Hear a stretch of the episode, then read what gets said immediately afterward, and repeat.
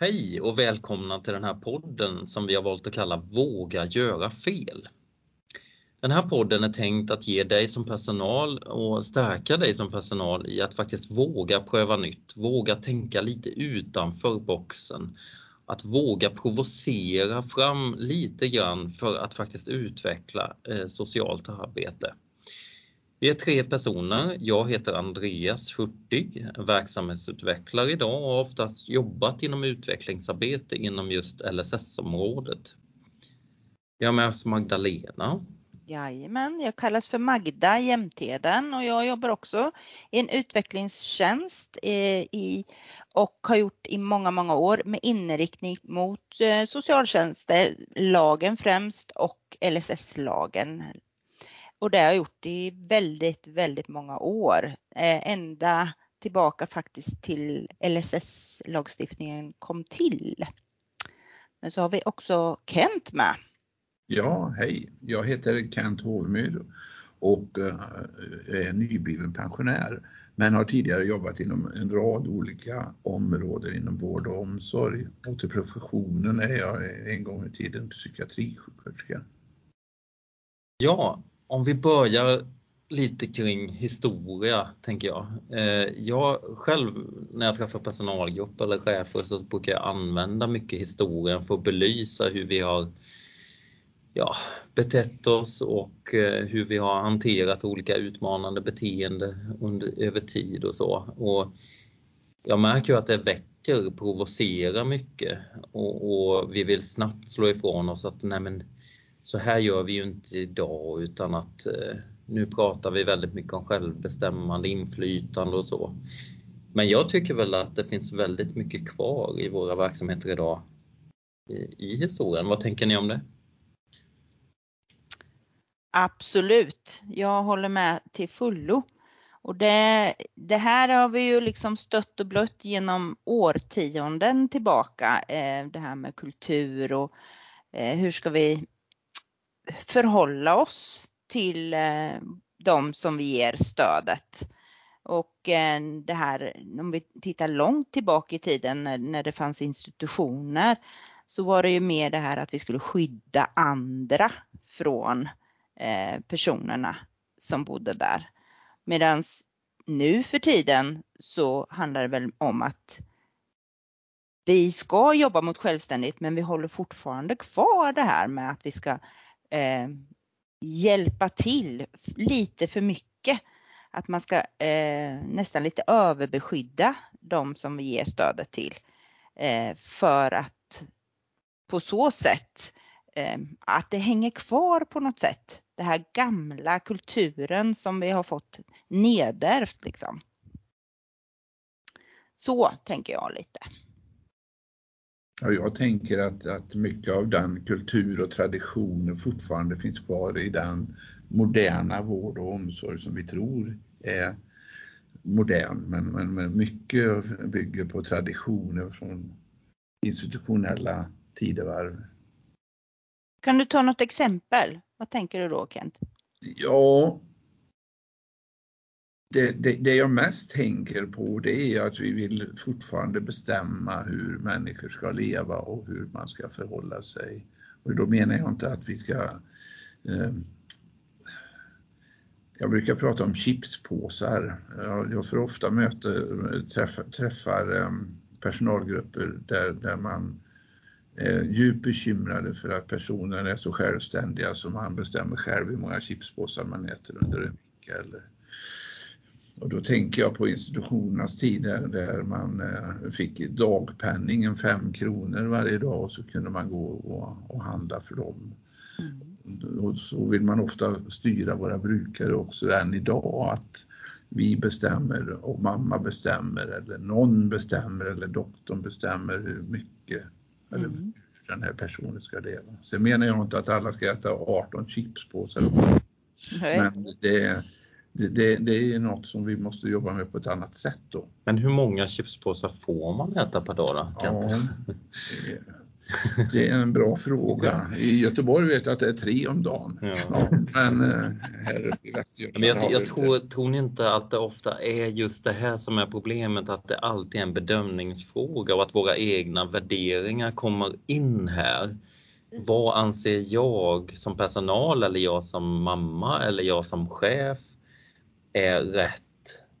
Eh, så jag tänker på det, det allt runt praktiskt som städ. Vad är rätt städat? Hur mycket? Vilken nivå?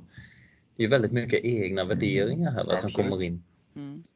Och där menar jag då att det finns traditioner från att bestämma över människor som, som med funktionshinder, att vi har rätt att bestämma saker. Mm. Mm. Mm, precis. Och då vet ju jag att, att det här med stuprör kommer in här, att man Eh, kan inte ni dra det där? Jag tyckte det var så himla bra när ni berättade. Vad är det för skillnad egentligen på, på, på folk och folk och på de som får den här insatsen eller någon annan insats? Hur, hur bestäms det och hur, vad, vad, är, vad är det att vi jobbar i stuprör egentligen? Du tänker psykiatri eller LSS eller missbruk ja, och så vidare? Ja, det här är ju ett spännande område. Vi har ju de senaste åren kan jobbat mycket runt det här försöka klargöra vad är skillnaden och vi har väl mer eller mindre kommit fram till att det är ganska mycket godtyckligt här var man hamnar någonstans.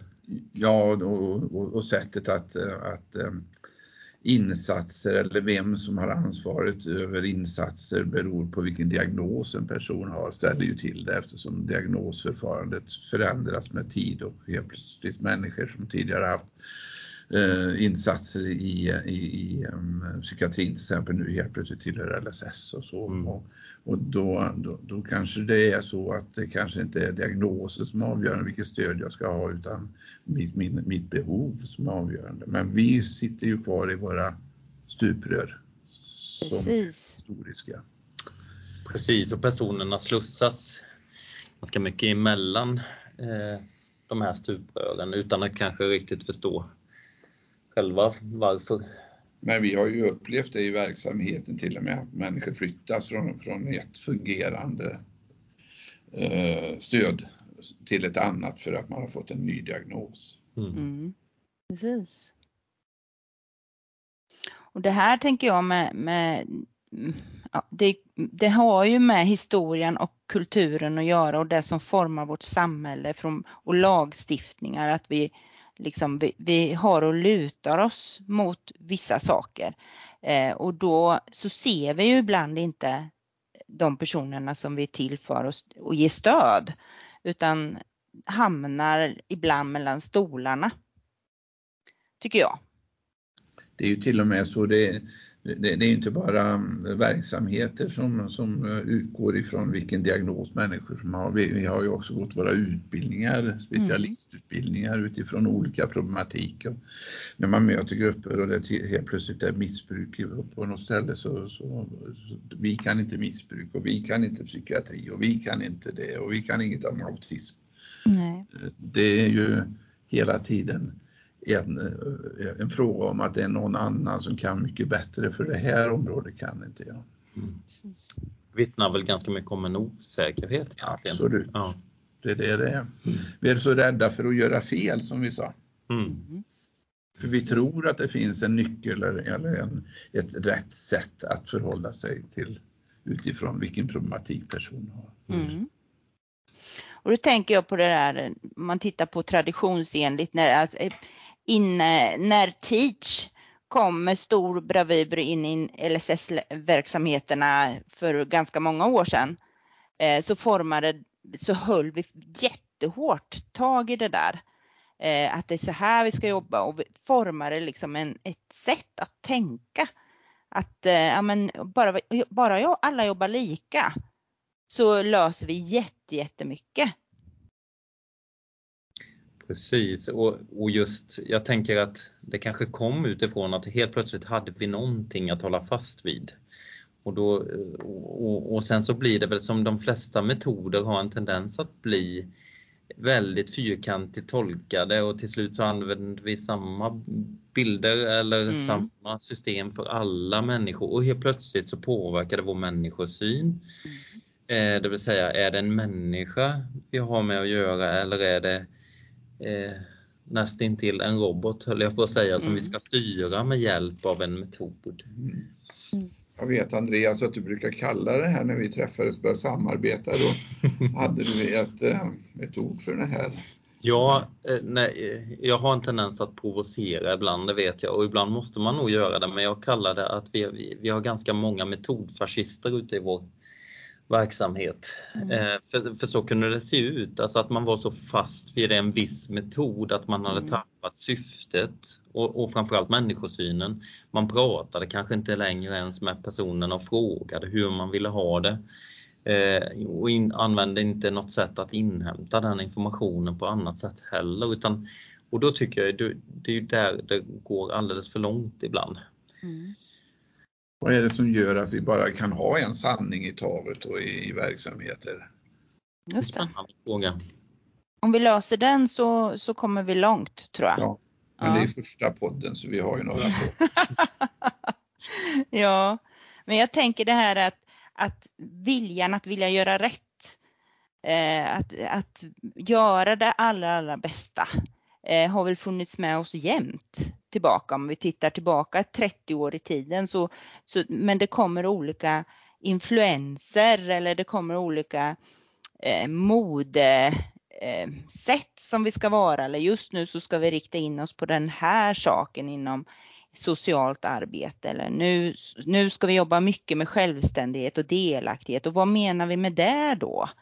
Mm. Alltså det, det, jag tror att grundkänslan i det hela det är att, att vi vill ändå ge och vi vill ändå göra det allra, allra bästa och sen blir vi lite osäkra.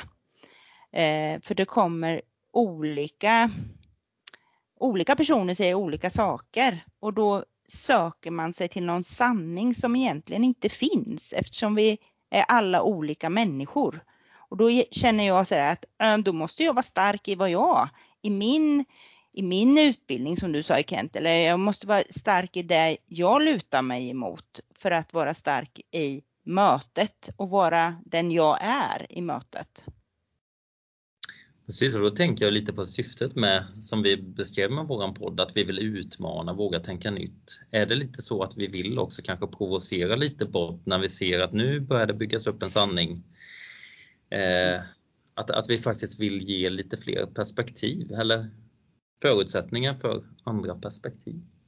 Precis. För den enda sanna sanningen är ju att det inte finns någon sanning. Så.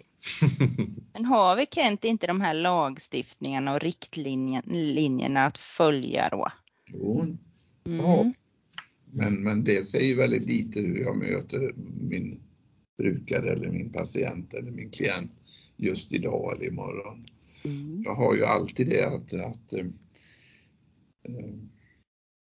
luta mig emot naturligtvis. Men vi pratar, när jag pratar, jag pratar om relationer så pratar jag om möten, mellanmänskliga möten mellan två människor.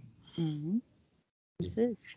Och, och, vem, och, vem, har tolkningsföreträde eller uh, hur jag möter och hur jag förhåller mig till en annan människa. Är jag genuint intresserad av den andra? Är jag genuint intresserad av att höra dens, dennes livsvärld och hur den tänker och tycker? Mm. Precis, så att lagstiftningen är ju skriven på ett sådant sätt att den ger utrymme för oss att, ha, att jobba med huret. Den säger ganska lite om hur, utan den säger mer de här värdeorden som vi måste förhålla oss till och det, det tycker jag ju är väldigt, en väldigt trygghet att luta sig mot. Mm. Det blir också en väldigt stor variation i Sverige. Eh, om vi ser att vi, vi är från olika delar i Sverige eh, vi som sitter här nu. Vi har olika, eh, våra hemkommuner har olika syn på det hela, hur det här ska gå till. Vilket skapar också en unik, ett, ett unikt Sverige där vi inte är så styrt, en demokrati, en demokrati som är bra tycker jag. Men oftast så hör man liksom att man, när man blir lite osäker så vill man gärna ha något att hålla i handen. Man vill ha en riktlinje eller man vill jobba evidensbaserat för mm. att, eh, för att känna sig trygg i mötet och känna sig att ja, men jag gör rätt. Jag, jag har något att lita mig på. Och det kanske är svårt att få. Det är svårt att få ett, ett facit. Det här att alla jobbar lika liksom. Mm. Och vem säger vad som är rätt?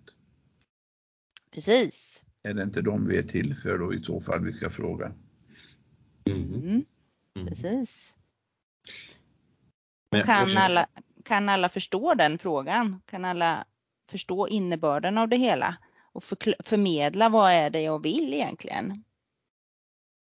Och är det jag som ska tolka det eller vem, är det brukaren som tolkar det? Mm. mm. Tala om chipspåsar. Mm. Mm. Jag, jag, märker ju precis det du säger Magdalena här oftast när det kommer kanske alltså personal som har arbetat i flera olika kommuner eller olika delar av Sverige. Vilken frustration det kan vara att tänka att eh, just det här att kommuner kan göra upp sina egna riktlinjer utifrån lagstiftningen. Eh, att man har jättesvårt att acceptera det märker jag först. Eh, utan man hänvisar kanske till, ja men i den kommunen där jag jobbar, då var det så här. Och det här, jag, jag märker ju det här med att vi, vi har jättesvårt, det verkar vara något mänskligt i det här, att vi har så svårt att se det, att, att det får vara så olika. Det, lagstiftning är lagstiftning, tänker mm. vi kanske, men mm. Mm. att vi har det utrymmet. Mm. Precis. Man, jag tänker så här, eh, om vi drar tillbaka till historien lite grann så har jag en historia att berätta eh, som utspelar sig på en, en institution eh, för många år sedan när det var det här att eh, man skulle skydda samhället från personer som bodde in på institutionerna. Men sen så börjar man att släppa, släppa loss lite. Man, man öppnade upp så att personerna i fråga fick faktiskt gå ut och gå i samhället. De får gå ut på stan, inte för att handla utan bara gå ut och se något annat. Och den här personen som var med, hon hade med sig några personer och alla de personerna som bodde på institutionen hade ju såna här institutionskläder kan man säga, inga privata kläder. Så att när de, den här kvinnan, när hon vårdarinnan som var med, eh, tog med dem till staden så utmärkte ju sig den här gruppen ganska rejält och hon kände själv att vad är det, eller hon ställde frågan till sig själv, vad är det jag utsätter de här personerna för när jag gör det här? Vad är det jag utsätter samhället för? Gör jag rätt? Eller den här, för hon hade ju fått en direktiv från sin chef att det här ska göras de här personerna ska ut i samhället, men reflekterade själv över då, är det här bra? Eller ska, ska det gå till på det här sättet?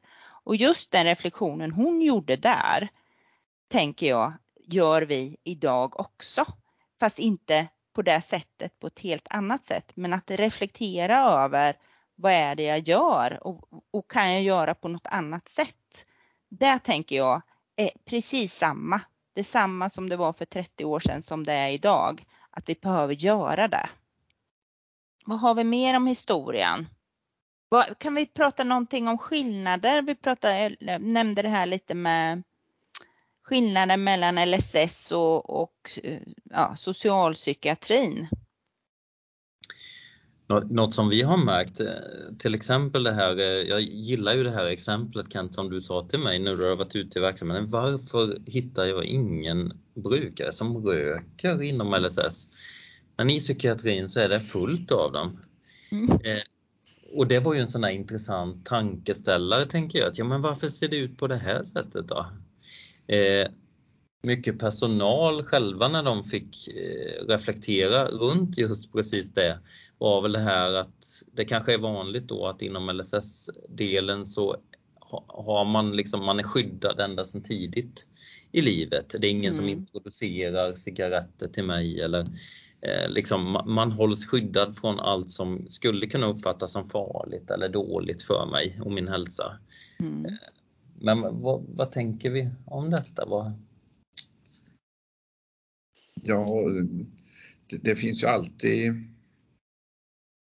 Inom, inom, det, det har ju alltid, eh, när jag började som ungskötare på, på ett mentalsjukhus som det heter då, så kunde föreståndaren gå och säga, här är Greta och Nisse, de skulle egentligen inte vårdats här på, på mentalsjukhuset utan de skulle varit på på, på en annan vårdersättning för, för omsorgstagare eller så. Mm.